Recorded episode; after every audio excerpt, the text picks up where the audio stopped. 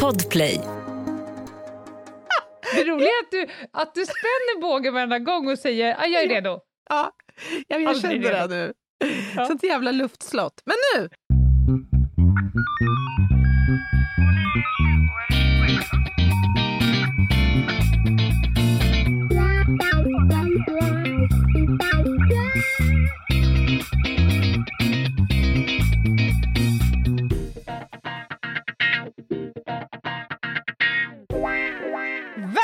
Välkomna till krimpoddarnas krimpodd Över min döda kropp med mig Anna Jinghede och Foliehatten.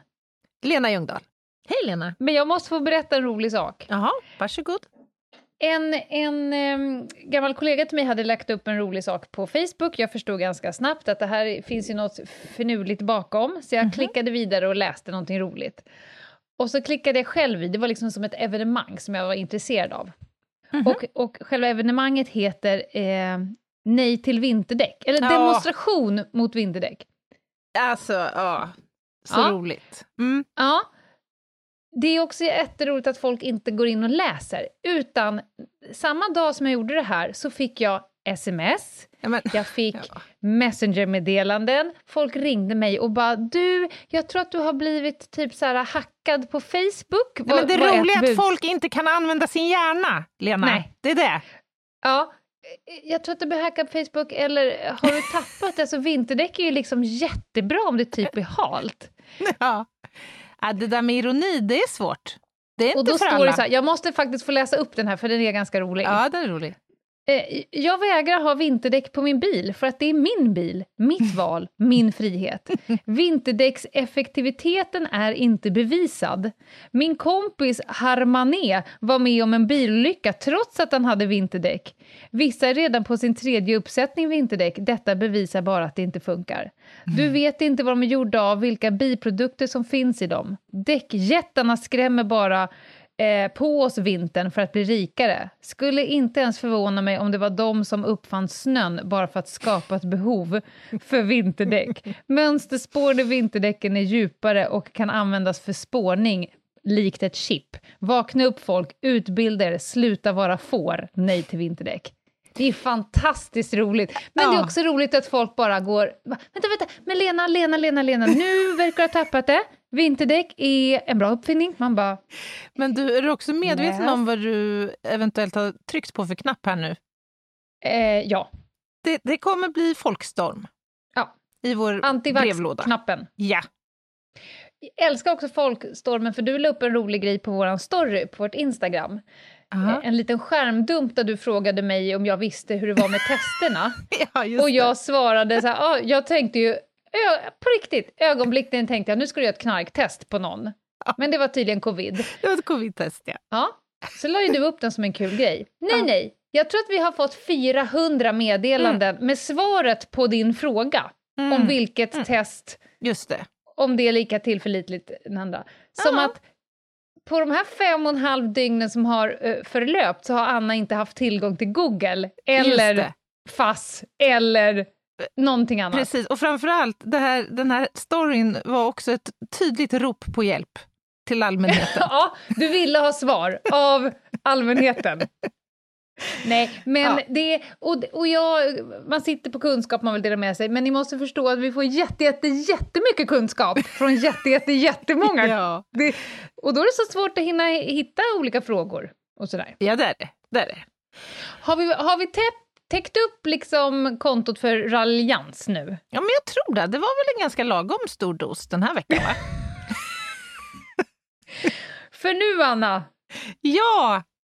Jag har poppat popcorn och sjunkit Tänk- ner i min skönaste fåtölj. tänker du inte bidra? Jag tror inte jag kommer kunna bidra så hemskt mycket den här Jo. veckan, faktiskt. Jo då, vi ska nog kunna veva in oss i kriminaltekniken här och annat här också. Men vi ska faktiskt till juridikens eh, labyrinter. Mm. Berätta. Jag, det var ju någonting som väcktes upp eh, för oss förra veckan eh, när vi pratade om någonting annat och kom in på det här med förberedelse, försök och stämpling och anstiftan och sånt. Mm. Och varför inte, så att säga, ta Tjuren vid Bollen. hornen. när den kommer rullandes. Ja, nej, men jag älskar att du känner så. Verkligen, jag uppskattar det. Djupt och innerligt. Jag hade Ja. inte alls lust att ta den bollen. För Nej. här är jag helt... Jag är väldigt tunn här.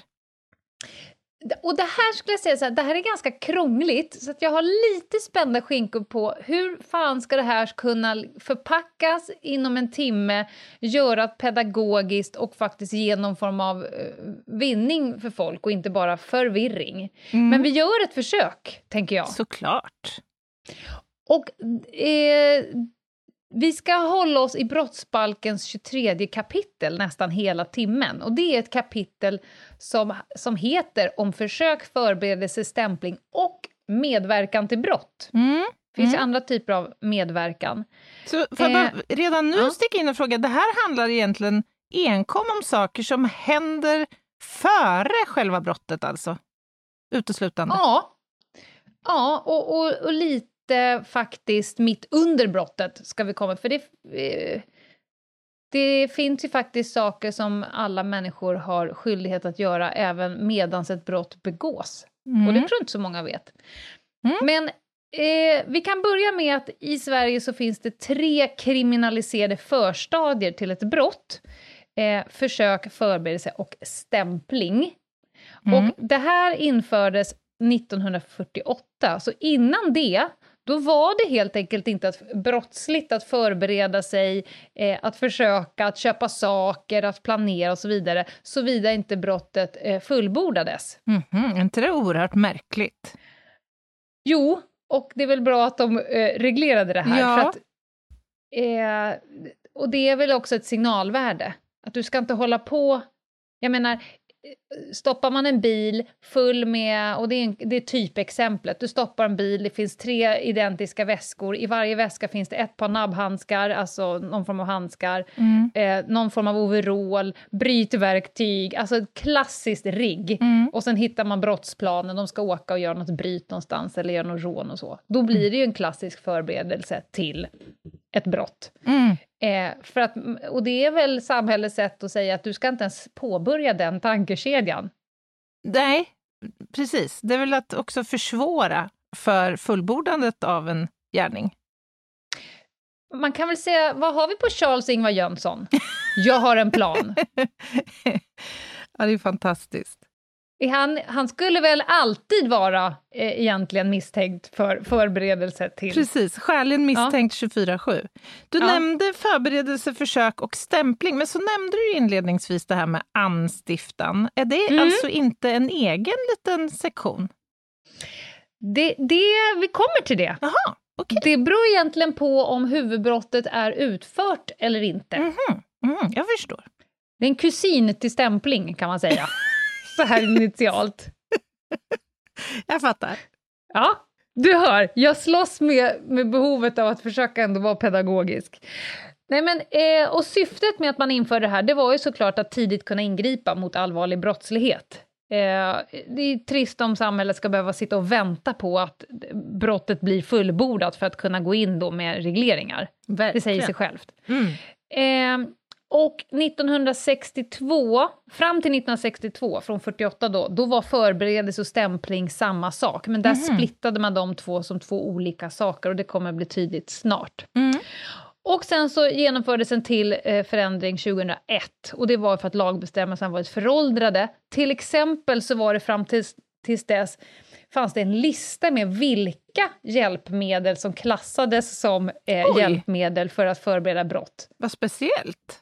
Ja, det var nästan så, hade du inte det här verktyget eller den här eller det här eller det här, då, då var det inte att förbereda ett brott. Och då har man då tagit bort den listan och så har man eh, eh, satt in lydelsen något som är särskilt ägnat att användas som hjälpmedel vid brott. Mm. Och det här med ägnat att, det, det har vi varit inne på förut, det eh, återkommer ju i juridiken Mm. Mm. ägnat att. Och man kan väl, hur ska vi enkelt beskriva det? Eh, syft, det kan med lätthet användas till och eh, kanske väldigt specifikt användas till. Mm. Ja. En kaststjärna har inte så himla många andra användningsområden. Du bakar inte med en kaststjärna, till exempel.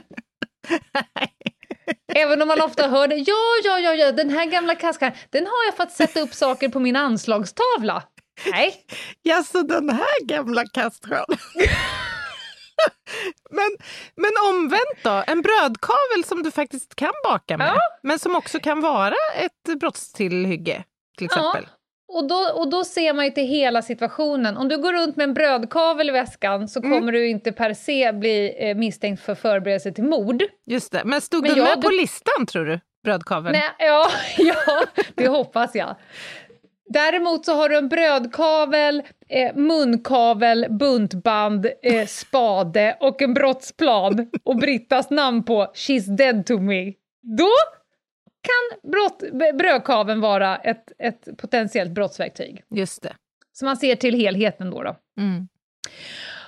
Och då kommer vi till första frågan som är ganska svår att svara på. Alltså när är ett brott fullbordat? Och vi kommer snart komma in på någonting som är väldigt viktigt i svensk lagstiftning och det är den så kallade försökspunkten. När har Just vi det. passerat försökspunkten? Och nästa punkt är ju då punkten till fullbordat brott. Mm. Och ett brott anses fullbordat när en gärning uppfyller samtliga rekvisit i brottsbeskrivningen. Och då har vi Mm. varit inne på tidigare att det finns objektiva rekvisit. Till exempel, för att det ska bli mord så måste någon ha dött. Mm. För att det ska bli misshandel så måste det, någon ha gjort en gärning mot någon och så måste det ha uppträtt någon form av eh, skada, Skada. eller Mm. effekt. Ja. Mm. Eh, och subjektiva rekvisiten ska också vara uppfyllda. Och då, det här har vi varit inne på, så det här kan ju till exempel oaktsamhet eller om det är uppsåt. Mm. Och då är ett brott fullbordat. Och för att kunna eh, döma för ett brott enligt rättegångsbalk, eller brottsbalkens 23 kapitel så finns det, den är faktiskt bara uppbyggd på sju paragrafer. Den är inte, det är inte ett så långt kapitel, men det är inte ett kapitel som har någon form av effekt om man tar bort eh, resten av eh, lagarna. För den, eh, det hänvisas oftast till kapitel 23 och kapitel 23 hänvisar vidare. Mm, Så det, är- det är inte ett eget kapitel som kan leva ett eget liv. Men Nej. i första paragrafen då, det handlar om försök. Och då, jag läser rakt av. Har någon påbörjat utförandet av ett visst brott utan att det har tillkommit till fullbordan, skall han, jadi jadi jadi, dömas till försök för brottet. Får jag fråga där? Ja, Behöver eh, det vara angivet... eh, Det är två frågor. Vilket brott det gäller? Måste det vara Mm. klargjort? Och två, gäller den här försöksparagrafen alla brott i brottsbalken? Mm, bra frågor. På första eh, frågan så är det det planerade brottet måste vara identifierat. Det Mhm. måste vara ett specifikt brott. Däremot så behöver man inte ha hela brottsplanen klar framför sig. Okej. Mhm. Eh, men det kan inte bara vara ett diffust brott. Jag ska eventuellt någon gång Nej, eh, försöka göra, utan det är, du försökte göra just det här brottet. Vad var din andra fråga? Om det gäller alla, om, om den här Nej. paragrafen hänvisar till liksom alla brott i brottsbalken? Nej, det gör det inte. Och då får man gå in i varje lagrum. Så om vi tar till exempel eh, sjätte kapitlet i brottsbalken som är alla sexualbrotten. Mm. Då står de uppradade där, våldtäkt och så vidare och så vidare. Längst ner i kapitel 6, då är det uppradat vilka brott i det kapitlet som är kriminaliserade på försöksstadie, förberedelsestadie, stämplingsstadie. Mm, Och det kan skiljas. Ett brott kan vara eh, kriminaliserat på alla tre och ett bara på försöksstadie Mhm. och ett inte alls. Mm. Så eh, det här med försök förberedelse, det är alltså kopplat till vad varje lagrum säger om... Och, och generellt, ju grövre brott, desto olagligare är det att hålla på och planera och förbereda och försöka. Ja, just det. Så det, det är liksom ja, olagligare, vet jag inte om man kan säga. För, Jo, det heter så. Förbereda ett mord. Än att förbereda, låt säga, ett tillgreppsbrott. Nej, du kan tänka så här att ju grövre eh, brott det är, desto större är sannolikheten att du inte ska hålla på och förbereda det. Jag förstår. Jag förstår. Eh, och paragraf 2, vi kommer gå in på dem eh, mer sen, men jag vill bara säga paragraf 2, då är det förberedelse och stämpling. Mm. Eh, och straffen då? Alltså om man nu döms för försök till mord jämfört med mord, Mm. Eh, då, då jämför man straffen med fullbordarbrottet och där står också specifikt att för det här brottet så får det inte utdömas mindre straff än vad som hade givits om det var fullbordat. Ah, Okej. Mm, Och så står det på vissa, i det här brottet så får det inte dömas mer än någonting. Så att det, Mm. man, man jämför hela tiden straffet med vad hade det blivit för straff om brottet var fullbordat. Just det. Mm. Och vad gäller mordet då så är det liksom samhällets eh, vilja att markera allvarlighetsgraden såklart i att planera någon annans död Ja, det är i princip lika dåligt att försöka Mm. mörda någon som att faktiskt mörda någon. Mm. Eh, och, och, och det vi var inne på det är att det är osjälvständiga brottsformer. Den behöver en annan kompis i, grott, i brottsbalken eller i någon speciallagstiftning, till exempel narkotikastrafflagen. Mm. för att kunna bli någonting. Så vi tar tre exempel. Försök till mord, förberedelse till stöld, stämpling till rån. Just det. Mm. Man kan inte bli dömd för... Du, du döms för förberedelse. Det måste vara kopplat till ett, ett specifikt brott. Det skulle aldrig Eh. hända mig, tror jag. Nej, Det nej. skulle dömas... Nej, du, där går du fan i mig. Ja, försök är ju liksom oftare att folk blir dömda för en förberedelse och förberedelse är oftare eh, att det blir en, en stämpling. Och det är mycket kopplat till att det är svårare. Ju längre ifrån man är det fullbordade brottet, desto svårare är det för rätten Mm. att uppfylla kraven. Det är ganska svårt med uppsåtsfrågan, att kunna bevisa att du hade uppsåt att, att genomföra det fullbordade brottet när du är på förberedelsestadiet. Mm. När du har köpt gaffatejp, en per, persisk matta eh, och en grep. Då är det svårare där att bevisa att du hade uppsåt till att mörda en person och gräva ner personen i en matta Mm. i skogen, än om du står i skogen med din grep. Och det, förstår du? Ja, jag Så ju- förstår. Det, det låter fullt logiskt. Ja, faktiskt. och därför så eh, hittar man färre domar, helt enkelt. Det är väldigt svårt att, bevi- att träda i bevisning. Men, men sa du att det var svårare att dömas för förberedelse än stämpling? Nej, stämpling är svårast. Eh, för vi, vi börjar med försök, för försök ligger under det man kallar för verkställighetsstadiet. Att det är någon form av handlingskraft, att du har liksom kommit väldigt, väldigt nära. Eh, och det är att du har påbörjat själva utförandet av ett brott Mhm. utan att det har fullbordats. Och nu ska du få förstå varför det är så svårt. Om jag har planerat att, att ha ihjäl dig genom att skjuta dig, Mm. jag går en kurs i hur man skjuter, jag eh, köper ett vapen på Blocket, Ja. och därav gör jag mig då skyldig till till exempel olaga vapeninnehav. Eh, men jag håller på att förbereda mig här nu, som du märker. Mm. Jag eh, rekar dig och vet när och var du kommer ut ur den där porten och när du är ensam. Eh, jag har kollat på Youtube hur man skjuter, jag har kanske till och med åkt ut i något friluftsområde och testat att skjuta. Jag tar mig till din arbetsplats. Nu står jag utanför eh, dörren, gömd i en buske med vapnet i handen, kula i loppet och väntar bara på att du ska komma ut. Mm. Tycker du själv att jag är i förberedelsestadiet eller försöksstadiet eller fullbordat brott? Ja, det är inte fullbordat. Nej, För när är är det inte- fullbordat?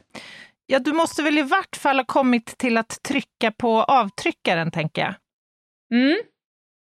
Eller? Om jag missar då? Ja, då blir det försök. Då blir det försök. Ja. Det är såna här grejer, det är väldigt intressant att lyssna på såna här rättegångar. Alltså om jag försöker mörda dig men inte lyckas, du, jag kan inte bli dömd för mord om du fortfarande står där och säger hej hej. Alltså, Här, oj, här lever- står jag i buske.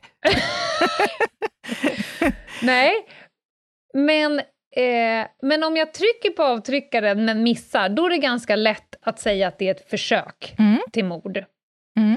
Men om du kommer ut och jag står med kornsikte rakt in i din mage och håller på avtryckaren men inte skjutit än, är jag fortfarande bara på förberedelsestadiet? När börjar försöket? Är det när jag trycker? Det, som du märker så eh, provocerar jag lite, för det är jättesvårt. Mm. Försöks försökstiden i det här fallet är ju 0,0001 sekund. Mm. För om jag trycker på avtryckaren, oh, där börjar jag försöka. När kulan går in i din kropp, oh, där är fullbordat.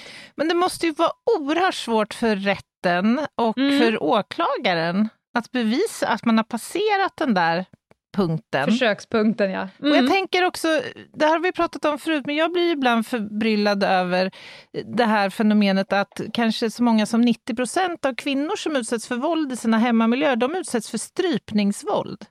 Det är ju en Mm. våldsform som jag tror att till och med förskolebarn känner till är väldigt farligt. Mm. I min värld lika farligt som att stå i den där busken med ha, eh, fingret på en avtryckare Mm. och trycka av. Men det är väldigt sällan man lyckas få en strypningsförsök där du kanske till och med uppnått liksom medvetslöshet till ett mordförsök. Där, där stannar det ju oftast vid ett, en misshandel, helt enkelt. Och det känns ju som ren och skär dumhet. Ja, visst du gör det väl mig. det? Ja, men det gör det ju. Alla vet ju att man inte kan eh, leva utan luft. Ja, Om du jag- tar luften ifrån mig, då borde väl du rimligtvis försöka döda mig. Ja, jag tycker det.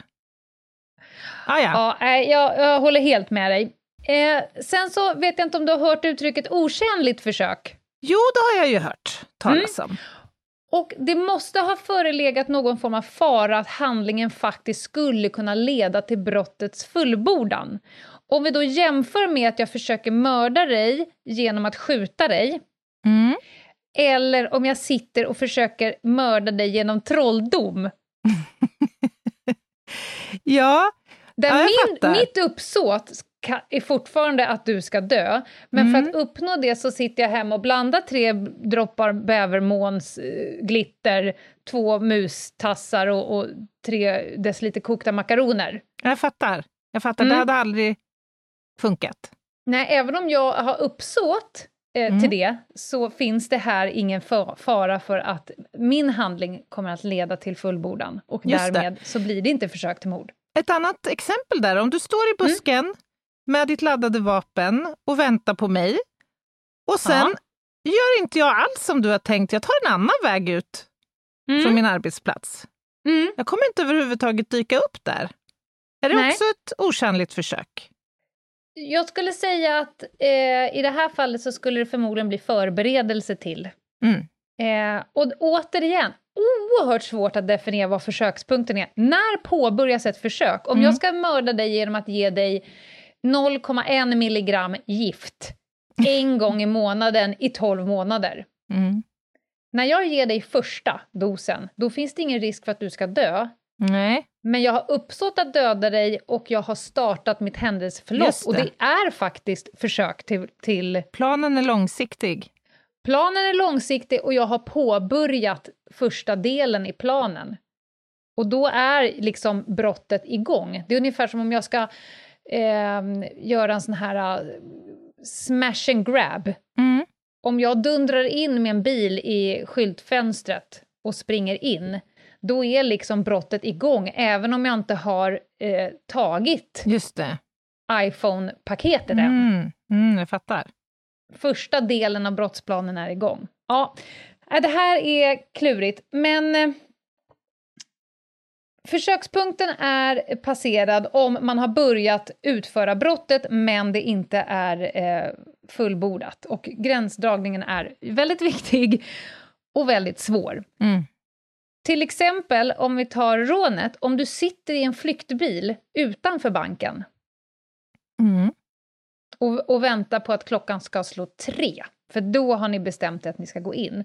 Om du blir gripen där, då kommer det bli förberedelse till Mm. grovt rån förmodligen. Men när du kliver in, när du kliver över tröskeln, och nu- det här har jag tagit rakt ur rättsfall, Mm. Mm. innan du ens har börjat skrika “This is a robbery” så du är inne i liksom objektet, och i det fallet så blev det försök om du blev gripen där inne, även om Mm. du inte har fått några pengar än. Mm. Om vi bara ser till lite nya grejer, Vårbynätverket och massa domar som kommer där. Mhm. Där har vi ju till exempel försök till mord, vi har medhjälp till försök till mord, och det kommer vi Mhm. komma till sen. Och vi har förberedelse till människorov. Så det är ju inte helt ovanligt att eh, att det blir de här lagrummen av den enkla att polisen har lyckats stoppa ett brott så nära inpå. Man Mm. väntar ju inte till man har ett mord, utan man stoppar det så... Och det här är jättesvårt och det här är jag många gånger när man spanar. Alltså hur långt ska vi våga låta det här gå? Mm. Ju längre vi låter det gå, desto mer bevisning kommer vi få. Mm. Så som telefonavlyssning, filmsnuttar, eh, massa spaningsiakttagelser. Men man, det gäller ju att gripa precis innan, för att vi vill ju inte att människor i kassan där inne ska bli traumatiserade för livet för att någon ska få mer bevis. Precis. Och det är inte helt jävla lätt skulle jag tala om för er där Nej, ute. det kan jag verkligen tänka mig. Så man kan alltså dömas för medhjälp till försök till mord till exempel? Yes. Mm. Och det har hänt i, i, i närtid. Vi kommer komma till medhjälp om en liten stund. Prata lite förberedelser då, och för det hör man att det är någon form av planeringsstadie. Mm. Och återigen, det är bara vissa brottstyper som är kriminaliserade på planeringsstadiet, såsom förberedelse. Eh, och det här är ju någonting som sker då innan man har passerat den här försökspunkten. Och för att förbereda sig så ska man antingen ha tagit befattning med några fysiska föremål, pengar eller hjälpmedel. Alltså att man lämnar eller tar emot pengar eller skaffar hjälpmedel. Hjälpmedel. Ja, Jag men det, tänker bara på, det är duschstolar och det är kryckor. Och, ja, du tänker att, att så här, hjälpmedelscentralen kommer med en sån här griptång för att sätta på sig strumpan. ja, nu greps du visst här med rullator. Får du, har du lite att förklara? Jag kan säga dig att det var en nära vän till mig häromdagen som sa att nästa år kommer jag få en julkalender från Hjälpmedelscentralen för jag börjar hamna där. Lucka tre, hemorrojdering.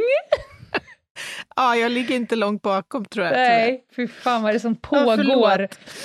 Nej, men det var bra. Eh, och hjälpmedel kan vara gift, det kan vara sprängämnen, det kan vara vapen, det kan vara dyrkar eller annat som är återigen särskilt ägnat att användas vid brott. Mm. Att planera brott på ett annat sätt än det här är fortfarande inte straffbart. Det är inte förberedelse. Så att du sitter hemma och eh, skissar på ett papper. Jag ska gå in där och att du googlar på byggnader och funderar på hmm, hur skulle jag kunna göra på det där sättet och vilka klockslag slutar Anna jobbet och så vidare. Mm. Det är inte kriminaliserad förberedelse. Nej, Och det här vet jag har varit omtvistat och bland Ja. annat i flera mord som jag själv har varit med och jobbat i, där man Mm. kan se en, i eh, Google-historiken helt enkelt, hur man under lång tid liksom har Mm. googlat på det ena efter det andra och allt relaterat till hur man har ihjäl en annan människa. Men det är inte givet att man ändå Nej. ska dömas för förberedelse, Nej, bara Utan på grundval måste av det. Till, det måste till antingen liksom en fysisk, att du börjar inhandla, fixa, dona Mm. eller gett ifrån dig pengar, skaffat pengar, gjort någonting sånt. Mm. Mm. Och då blir ju såklart det andra, det andra kommer ju stjälpa dig. Ja, ja, Eh, naturligtvis. De andra grejerna, men de är inte ensambärande kan Nej, man väl säga i nej. bevisläget. Då ska vi se här, och eh, det är åklagaren som har bevisbördan, det är åklagaren som ska bevisa att du har planerat just det här, att du är liksom är i planeringsstadiet för ett större brott. Du behöver själv inte bevisa din oskuld, utan det är åklagaren som ska bevisa det. Mm. Och den misstänktes förflutna är ej ett bärande bevis, säger man. Alltså det räcker Mhm. inte med att du har rånat fyra banker tidigare. Jag Just kan, det. inte, jag kan inte använda det som ammunition som åklagare för att säga att då, kommer, då planerar du förmodligen ett till. Mm. Nej, Utan precis. du måste liksom faktiskt göra någonting för Och det, att där kan ju in... också, ja, och det där kan ju också framstå som ganska absurt ibland. Man kan tycka då som icke juridiskt bevandrad att det borde väl vara en självklarhet att man tar hänsyn till tidigare eh, gärningar som den här Mm. personen faktiskt har straffats för. Mm. Men riktigt så funkar det inte. Nej, och återigen, lite som vi pratade om när vi pratade om skälig misstanke. Tidigare uppvisade beteende är en stark indikator på kommande. Det är inte Mm. likamedstecken, Nej. men du kommer aldrig uppnå skälig misstanke på någon för att personen har gjort det tidigare. Däremot är det en stark indikator och det blir ju en indiciekedja. Är det tillräckligt många sådana ihop Mm. så, så kommer du nå upp i en misstanke, men inte bara att du har gjort det förr. Det vore jävligt taskigt. Däremot så kan det ju vara vägledande för häktningsfrågan, faktiskt. Oh ja! Oh ja. Så att det är inte helt betydelselöst, så att säga. Nej, absolut inte. Och för en spanare är det inte ett dugg betydelselöst. Vad brukar du göra? Mm, mm. Mm. Ska vi en sista grej bara innan jag tror att vi ska gå på en paus. Ja. Men det finns ett farerekvisit också. Det måste, för att det ska kunna bli förberedelse till ett visst brott så måste det också finnas en fara för att eh, brottet eh, också ska kunna fullbordas. Mm. Alltså man kan se utifrån och säga ja visst du har planerat och du har köpt grejer och så vidare men det finns ju noll procents risk att det här skulle kunna genomföras. Just det. Då kan du inte heller bli eh, dömd för förberedelse till brottet. Det måste finnas ett farerekvisit i att, att det finns risk att det också blir så. Mm. Mm. Jag tror att vi går på paus för sen blir det ännu krångligare. Härligt. Ett poddtips från Podplay. I podden Något Kaiko garanterar östgötarna Brutti och jag, Davva, dig en stor dos skratt. Där följer jag pladask för köttätandet igen. Man är lite som en jävla vampyr. Man har fått lite blodsmak och då måste man ha mer. Udda spaningar, fängslande anekdoter och en och annan arg rant. Jag måste ha mitt kaffe på morgonen för annars är jag ingen trevlig människa. Då är du ingen trevlig människa, punkt. Något Kaiko, hör du på Podplay. Därför är gardinerna. Välkomna tillbaka! Ni lyssnar på avsnitt 194 av krimpoddarnas krimpodd. Och eh, idag är det Lena som eh, håller i taktpinnen, minst sagt. Du pratar Mm. om eh, försök och förberedelse och, och stämpling. Var, var, ska vi, var ska vi nu? Ja, men nu tar vi den här jävla stämplingen vid hornen. Det är ju ett ganska flummigt, men egentligen är det inte det. För det ligger återigen i eh, 23 kapitlet i förberedelseparagrafen. Men är det inte ett konstigt begrepp? Jo, stämpling, man säger att det att man har trätt i förbindelse med en person. Att man i samråd med annan har beslutat att utföra ett brott. Man har helt enkelt snackat ihop sig. Mm. Eh, och här behövs det inga specifika planer och det behöver inte heller vara nära förestående. Just det, så Ut- om jag vill ha ihjäl min granne och Ja. sen så kontaktar jag en hitman Mm. Som jag ger instruktioner till. Mm. Här har du ett vapen, här har du eh, personen i frågas tider. Ja, absolut. Så kan det bli stämpling då? Det kan det absolut bli, så länge inte brottet sen begås. För då kommer det bli anstiftan, och nu har du förståt skillnaden. Vad fan, jaha, Nej, men det är ju helt på det. okej. Antingen det, att du har förmått någon, eh, att du har eh, ehm, sagt att nu du Lena, nu ska du göra det här åt mig. Eller att jag har sagt, Anna, jag kan ta, ta på mig det där. Det där är ingenting för dig, Kakan. Du är så känslig. Skojar bara. Eller att du och jag tillsammans helt enkelt sitter och diskuterar. Vi bestämmer oss för att göra det här brottet tillsammans. Och i, så länge innan brottet är utfört, då är ju vi nu på stämplingsnivå. Att man pratar ihop sig. Okej. Återigen, farerekvisit. Alltså det måste...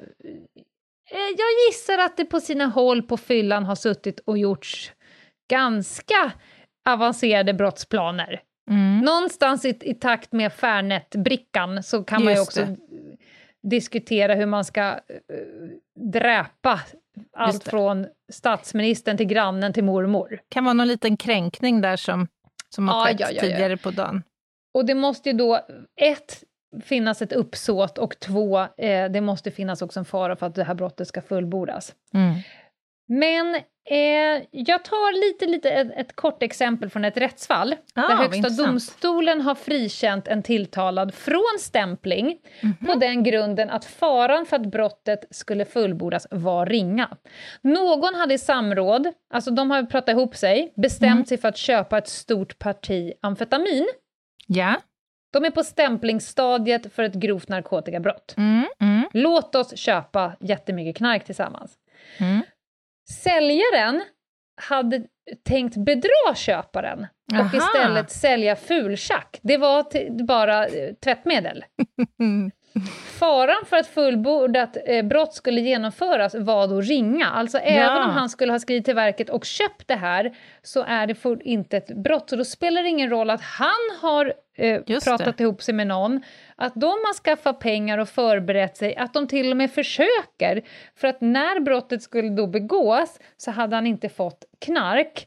Och Mm. du kan inte bli dömd för eh, narkotikabrott om du har köpt tvättmedel. Just det. Det här är ju ett klassiskt exempel på inget straff utan brottsprincipen. Ju. Exakt, exakt.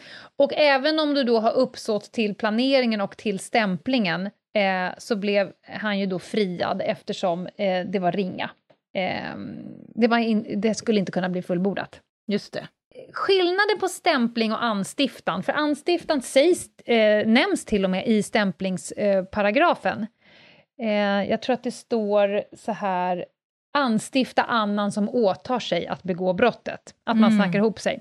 Men stämpling och förberedelse, det ligger i brottsbalken och det är ett förberedelsebrott. Ett förberedelsestadie, att snacka ihop sig, att planera, att förmå och så vidare.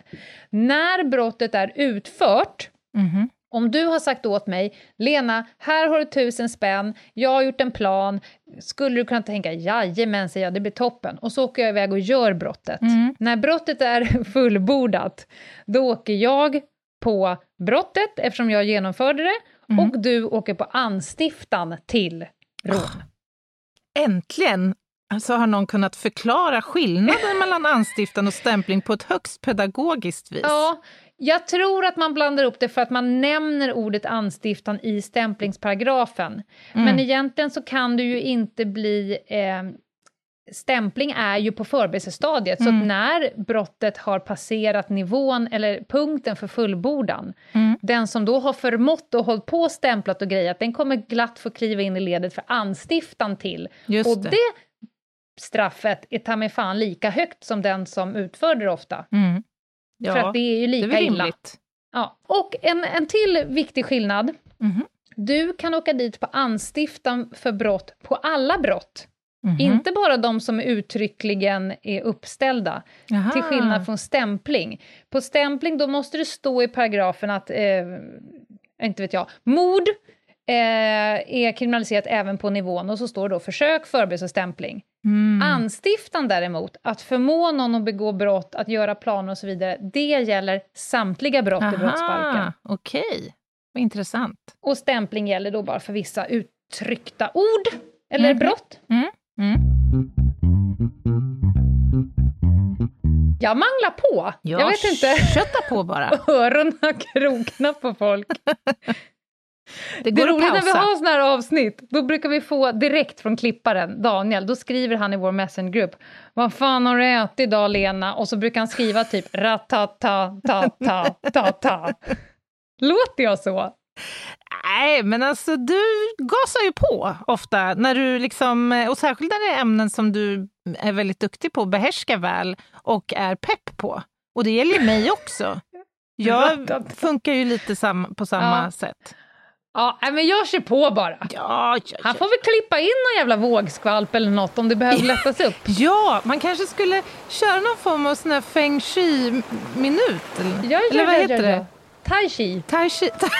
Feng shui, det är nog att du ställer sängen åt rätt håll. Ja, just det. Ja, just det. det Ja, blir så. nu springer alla iväg och möblerar om en stund, för Anna behöver vila. Vad heter det där då? Pling plong, musiken. Tai chi. Ja, kanske. Det är kanske är Nåväl. bättre med delfin Ja, ja, ja, och vågskvalpen då. Nu ska vi prata lite om konsumering. Mhm. Man kan liksom inte bli dömd för flera olika saker. Är brottet fullbordat så kan du inte också bli dömd för att du har eh, planerat det. Just det. Det Nej. ingår liksom. Du kan inte Precis. bli dömd för mord och försök till mord. Eller mord och förberedelse till mord. Men, men bygger inte det här på en klassisk hierarkisk ordning?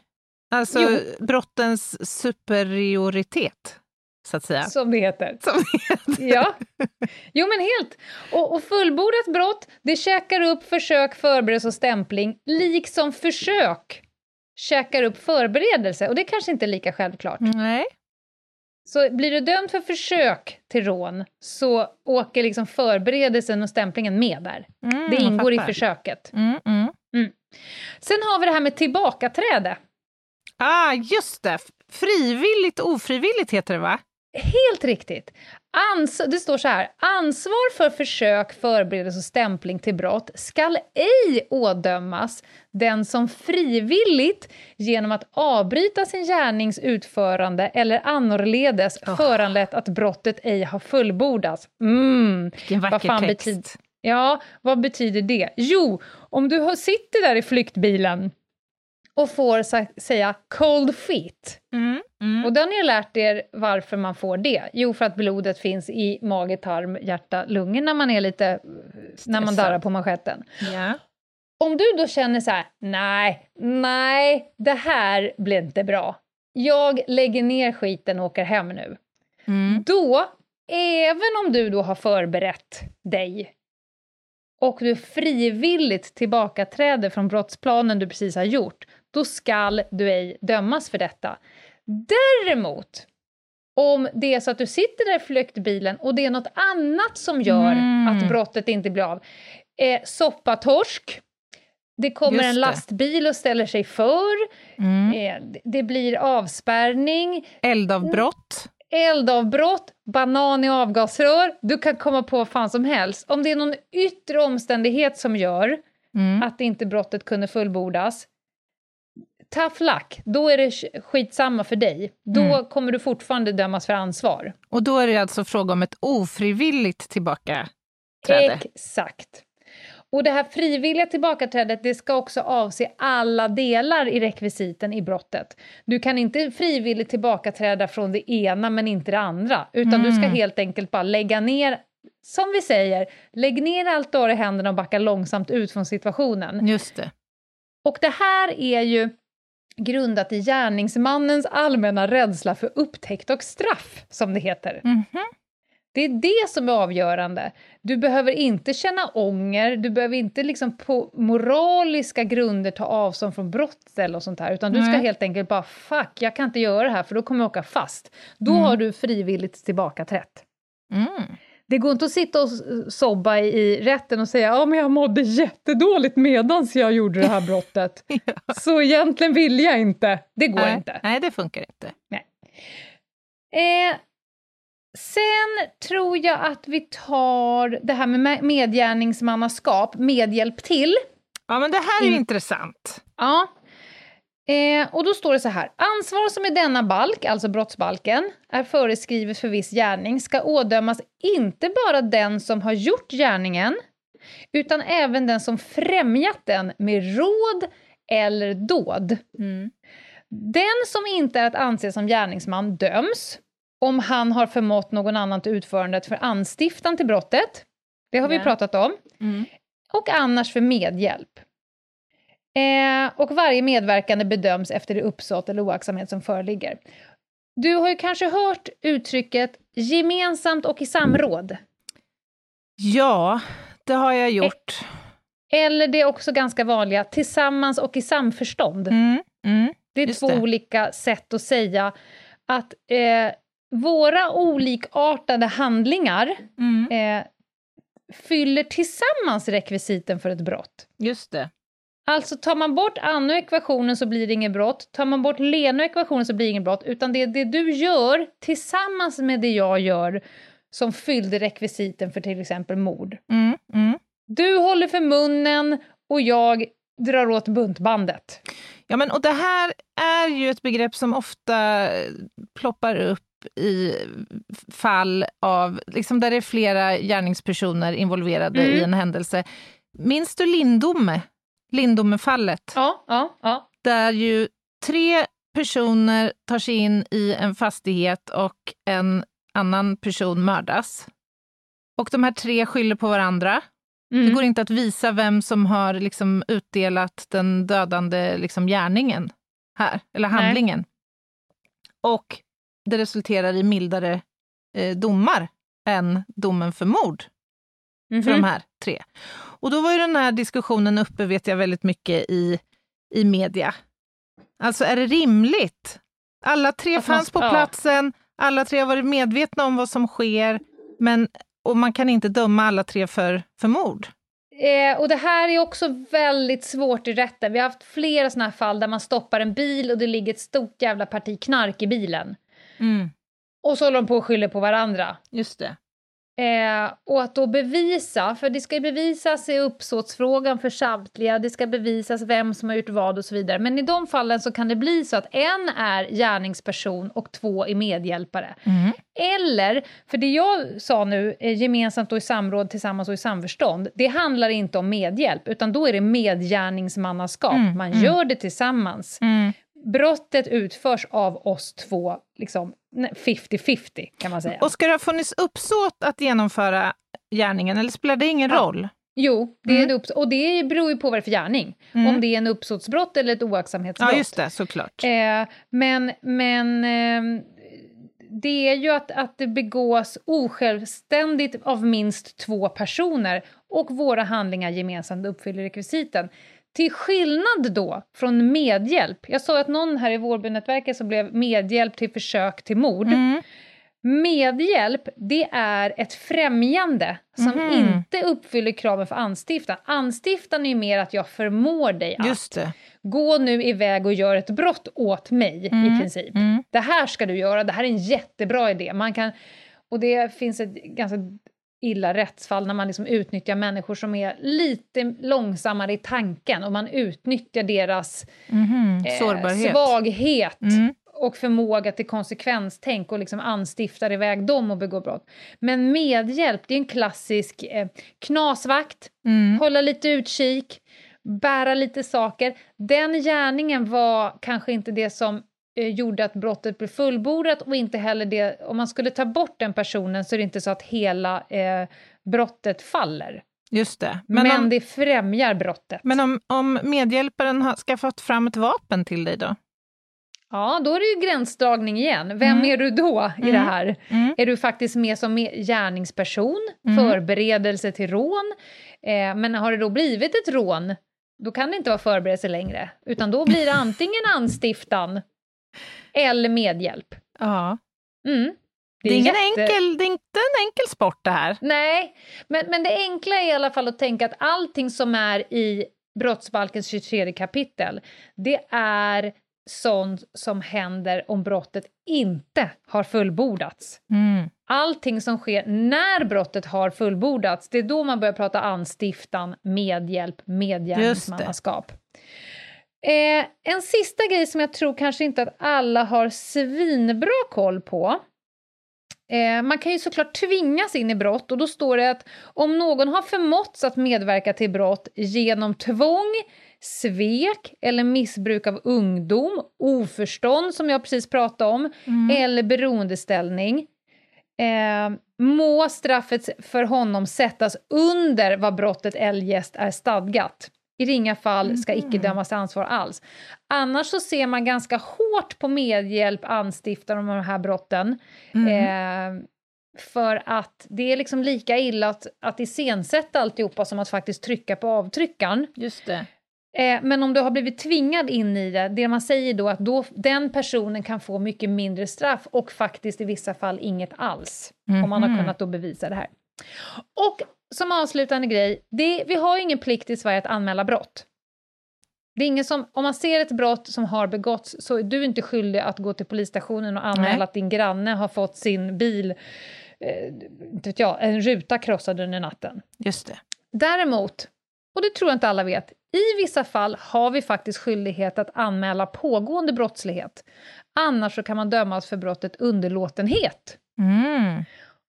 Och det här gäller ju då inte alla brott såklart, utan de lite grövre. Till exempel grov misshandel. Så att Mhm. om du ser en pågående grov misshandel, inte att någon kommer berätta för dig att du Nej. har blivit grov misshandlad, då har du ingen plikt. Men om du ser, as we speak, en grov Mm. misshandel, då skall du eh, eh, göra någonting, eh, för att annars kan det bli underlåtenhet. Men, ska jag säga, det här förutsätter dock att du kan göra detta utan fara för dig själv eller dina anhöriga Mm. och att du faktiskt har en möjlighet att ingripa och anmäla Mm. brottet. Mm. Eh, man kan ju snabbt titta på fall och bara säga, men vad skulle jag kunna göra i det här fallet med Mm. risk för att jag antingen blir utsatt själv eller att det är helt jävla omöjligt för mig att stoppa det här händelseförloppet. Ja, ja. Du sitter i en bil på E4 och ser hur det springer runt några med vapen. Ja, Mm. du kan ju inte ens göra någonting. Men som förälder har du långtgående, då gäller alla brott. Föräldrar är skyldiga att stoppa sina eh, barn, undersåta tänkte jag säga, men det är ju typ Mhm. sant. Under pågående brottslig handling och innan. Men du är inte skyldig att anmäla sina Nej, barn när de har begått brott. Mm, Men du förstår. ska som förälder eh, motverka att brott begås av dina avkommor. Alltså det låter ju fu- fullt rimligt, skulle jag Det, vilja det hävda. får man väl lov att säga, Men- men, det är nog inte alla som tycker det. Nej, så kanske det också är. Och jag hade ingen aning om att det uttryckligen fanns eh, skrivet, så att Mm. säga. Och den här har tillkommit i Mhm. lagen. Det är ju bra ju. Mm.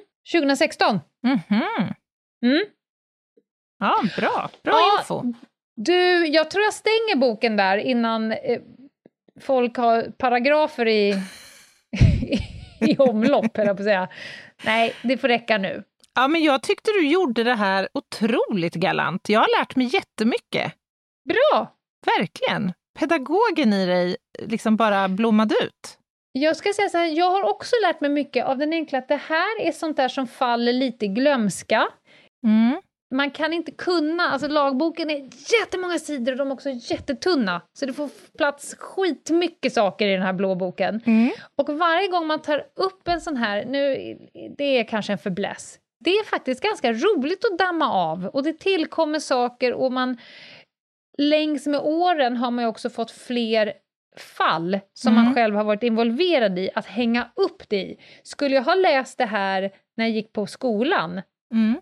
00. Jag skulle inte fatta ens vad som står. Vadå underlåtenhet och eljest? Jag fattar ingenting.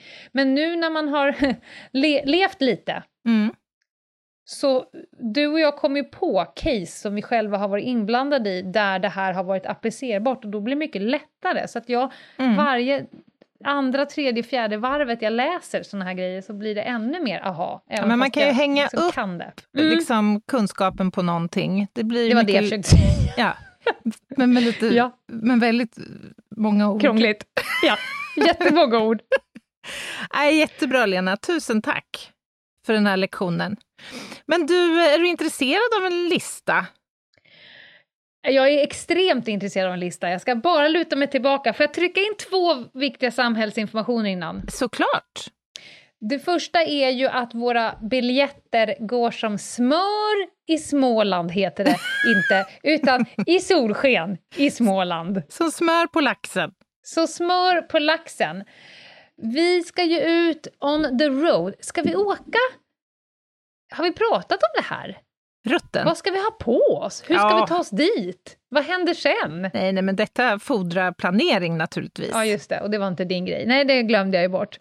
Nej, men eh, vi ska till fem städer i maj. På allthingslive.se finns biljetterna. Och jag kan säga, Rival i Stockholm är... Jag bara tittade på parkettskissen. Mm. Det var inte många blåa prickar kvar där. Nej, det är inte det. Det är nästan utsålt på parkettplats. Men det finns biljetter kvar och eh, framförallt överbevisa oss, kära eh, ni som bor uppåt. De sa Ja, så här, i Norrland kommer ingen till. Vi bara...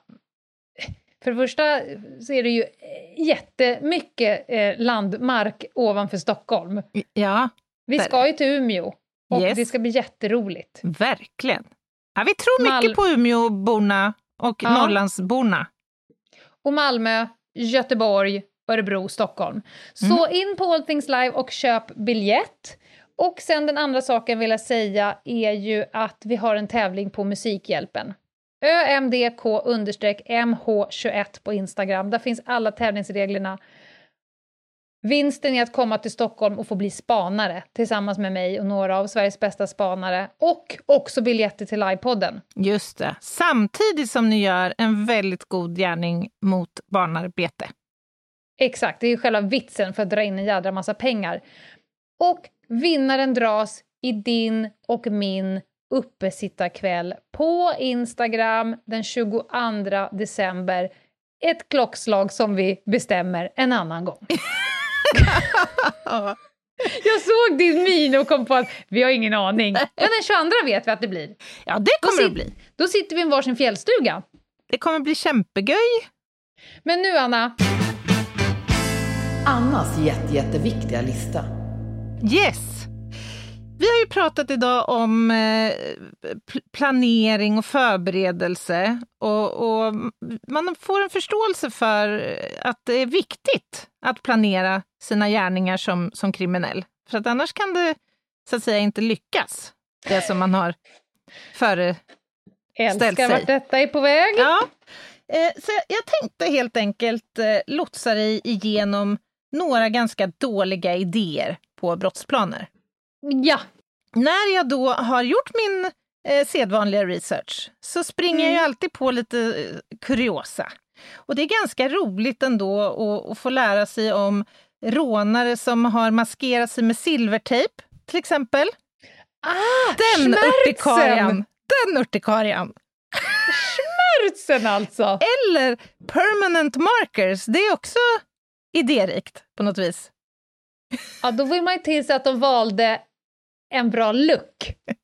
Så att säga från start. Verkligen.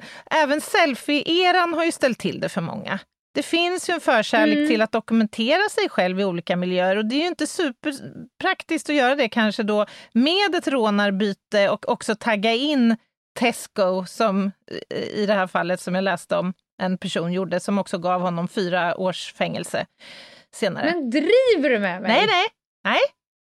Han skrev doing.tesco.over. Han stod med kniv och eh, någon sån här mask för ansiktet. Och 15 minuter senare, efter rånet, så kunde han gripas med kniven och över 400 pund i fickan. Ja, i Ja. alla fall. Jag tänkte börja med plats nummer sex. Och det här är en favorit repris. Jag tror att jag har nämnt den här tidigare, men jag tycker den ändå förtjänar en liten revival idag. Ja.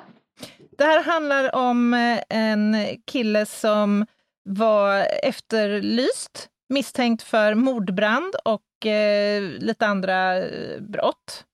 Mm. Så att man, skickade, man gjorde en eh, efterlysning och han skulle då mm, gripas. Eh, och det man gjorde då, det var att lägga ut i den här staden en eh, mugshot på honom. Han var inte första gångs förbrytare så att säga. Och det här var i Lima, Ohio. Så Mm. la man nu publicerade på Facebook, på lokala polisens eh, sida där, en mugshot.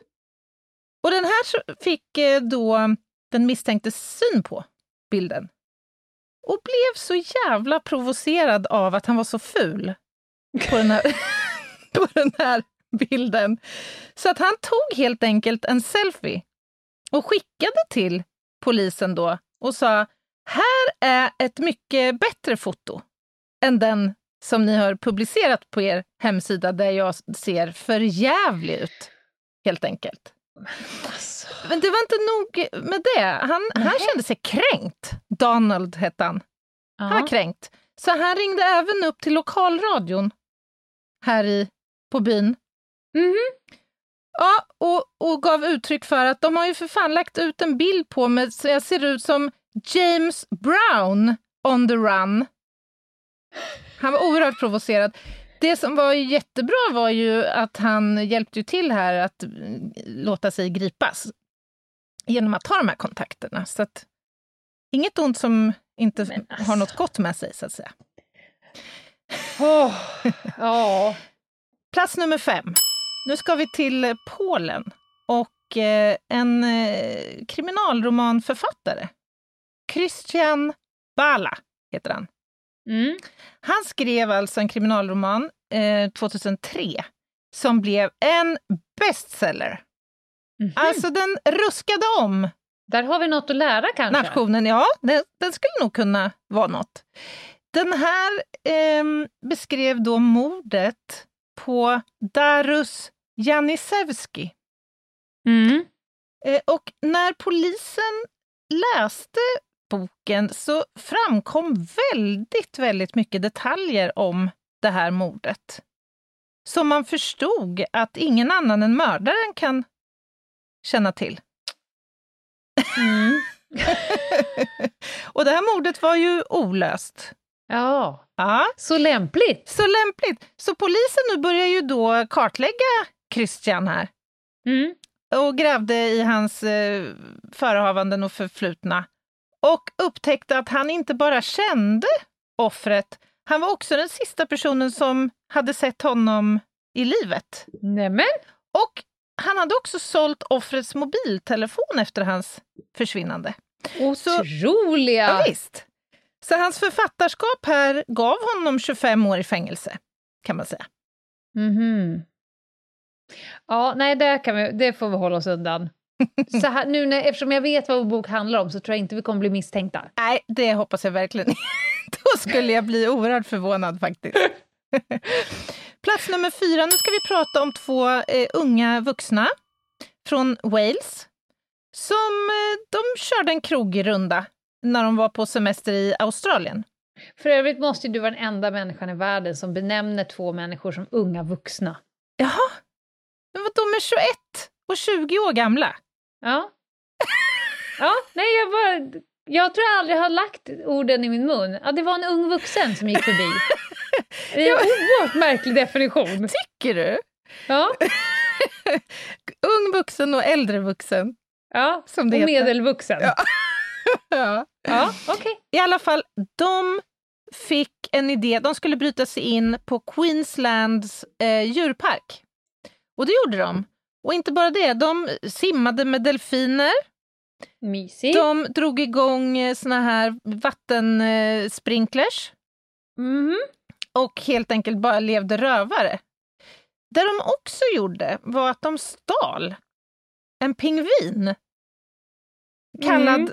Dirk. Vilket i sig är ganska roligt. Vänta, hur vet de det?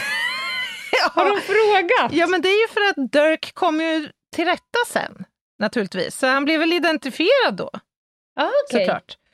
Men förstå grejen alltså. Kliva ut då med pingvinen här, ta med den till hotellet, sen Åh. vakna upp i sitt rus på morgonen, bakfull som ett svin och upptäcka Mm. att man har en pingvin i sängen. Kom det här före eller efter filmen Baksmällan? Fick de inspiration av Dirk eller fick Dirk inspiration av att de snodde är det Mike Tysons tiger eller något sånt där? Ja, det är någon tiger i alla fall. Jag vet, när Ja. kom, jag vet inte när den kom, men det här Nej, utspelar sig 2012 i alla fall. Hur som helst, eh, det här var ju lite svårt att flyga under radarn med. Alltså en pingvin, inget man bara traskar omkring med. Och dessutom så upplevde de det väldigt, väldigt jobbigt att ta hand om pingvinen. Vad Mm. äter en pingvin till exempel? Som, Ja, det blir ju en finns- märklig beställning på room service. Kan vi få två hinkar sill? Sill, Gärna ja. rå. Alltså det, fun- det flög ju inte, den brottsplanen. Nej, nej, nej. Plats nummer tre. Nu ska vi prata om en man som försökte robba en eh, bookmaker. Vad heter hur, en spel... Vad heter det? Vad? En vadslagar... Eh, Person. eh, person, ja. Ja, det här Mm. utspelar sig i Glasgow. Han Mm. går helt enkelt eh, in på det här stället och riktar vad som uppfattas vara ett skjutvapen. Mm. Det utspelar sig någon form av eh, eh, handgemäng i, i den här situationen. Och det visar sig att det han har eh, att hota med är i själva verket en gurka i, i en strumpa. En svart strumpa. Men, Och då kan man ju fundera på Ja. det här dagens eh, tema. mm. Är det ett Går okärnligt försök? För, I och för sig, det står ju inte i... det står ju inte i rekvisiten för rån att du måste liksom hota med någonting som är på riktigt farligt. Just det. För då skulle det inte funka med en soft airgun heller. Nej. Nej, det är Men sant. frågan är om han kunde gripas på tisdagen med en gurka i ena fickan och en strumpa i andra fickan och därmed få, få ansvar för förberedelse till, till, till rån. Det tror jag inte. Nej, det känns ju tveksamt va? Jag är Men- också tveksam. För sig, man skulle ju behöva ta gurkan i beslag, tänker jag, efteråt. Och göra... Jag skulle vilja Ja, se just göra en liten... En In i labbet! Ja, man får ju vara snabbt på det så att säga. Innan den så att säga blir stadd i förruttnelse. Ja. Ja. Men han dömdes faktiskt för försök till rån. Ja, men det räcker detta. med att den andra blir pissrädd. Det spelar ingen roll vad du, vad du petar med. Och Ja, det blev han. det blev han. Mm. Okej, vi tar plats nummer två. Och det här handlar om ett väldigt kreativt, kan man tycka i någon mening, sätt att försöka undkomma rättvisan. Mhm. Eh, det handlar om en person som ehm, grips under färd, eh, påtagligt berusad. Han blir stannad av eh, poliser eh, och eh, de plockar in honom i polisbilen och ska köra iväg honom för att göra ett utandningsprov. Döm om konstaplarnas förvåning när de kommer in till eh, polisstationen och den medförde personen spottar ut sina kalsonger ur munnen. De ser Ja. att han har hela munnen full med någonting. Och det visar sig att han har alltså, under färd lyckats kränga av sig eller riva av sig sin småbyxa. Ja, Ja, pula in i munnen varför då? för att han trodde att tyget i småbyxan möjligen skulle kunna absorbera upp alkoholen. Och det beskrivs i den här tidningsartikeln att när det här skulle dömas av i rätten så, så var rättssalen full av juridikstudenter som fick skickas ut av domaren därför att de höll på att bryta ihop av skratt. För att hela den här situationen är ju... Jag undrar också, när valet, när, liksom, när det föll på just småbyxan, det Ja. måste ju vara den, den delen av, av liksom textilierna på ens kropp som är jobbigast att få av sig under färd. Jag tänker det. Jag Varför tänker inte det. tröjärmen? Tröjärmen, eller varför inte bara inleda ett tappert försök att hyperventilera, Ja, kanske? småbyxan kanske innehöll någon form av motmedel. Småbyxa doppad i antabus. Nej, det hjälper ju inte heller. Åh, plats nummer ett, Lena. Ja. Nu ska vi prata om Douglas Wallaver som en, en känd inbrottstjuv, också i Ohio faktiskt, Ja. som eh, hade en eh, plan för sitt dagsverk. Han skulle bryta sig in i Mm. en eh, villa och stjäla saker.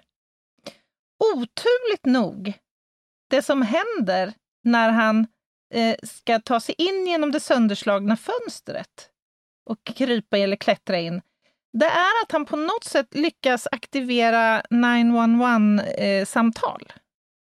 Med rumpan. Han har telefonen i bakfickan och lyckas under sitt inklättringsförsök ringa polisen.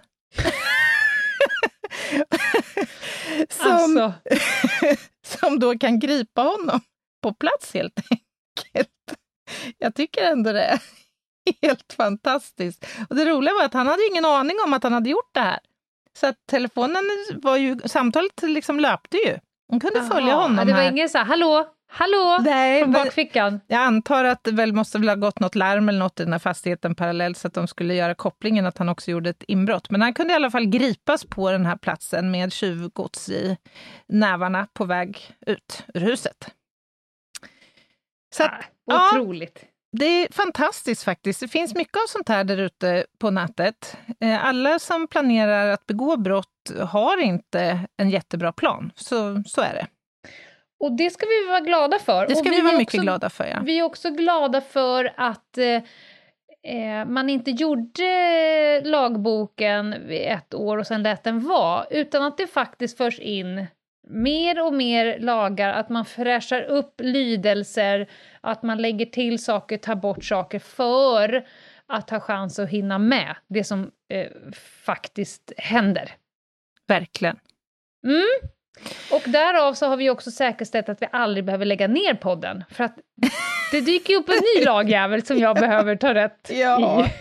Och det är jag så tacksam för. Faktiskt. Men du, vad är det för torsdag nu? Eh, och hur många torsdagar är kvar? Vad händer? Har vi någon plan inför julen och så som Men vi det- behöver dela med oss av? Ja, men det är ju en helig torsdag kvar före eh, vi får doppa. tackar, tackar. Och eh, då kommer det bli, det blir som en liten gottepåse, ja. julavsnittet. Mm.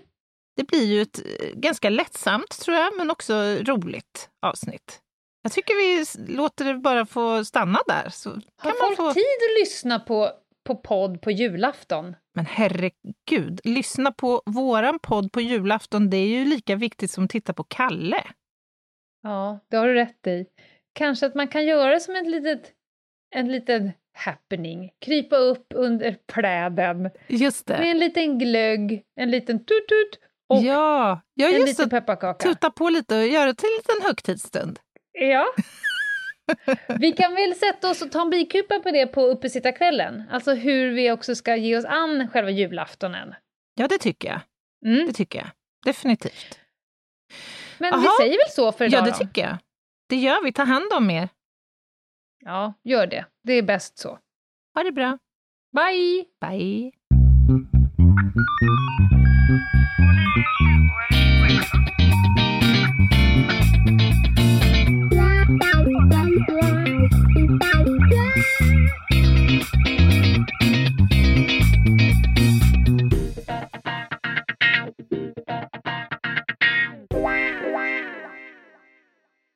Ny säsong av Robinson på TV4 Play. Hetta, storm, hunger. Det har hela tiden varit en kamp. Nu är det blod och tårar. liksom. Fan händer just nu. Det. är Detta är inte okej. Robinson 2024, nu fucking kör vi! Streama söndag på TV4 Play.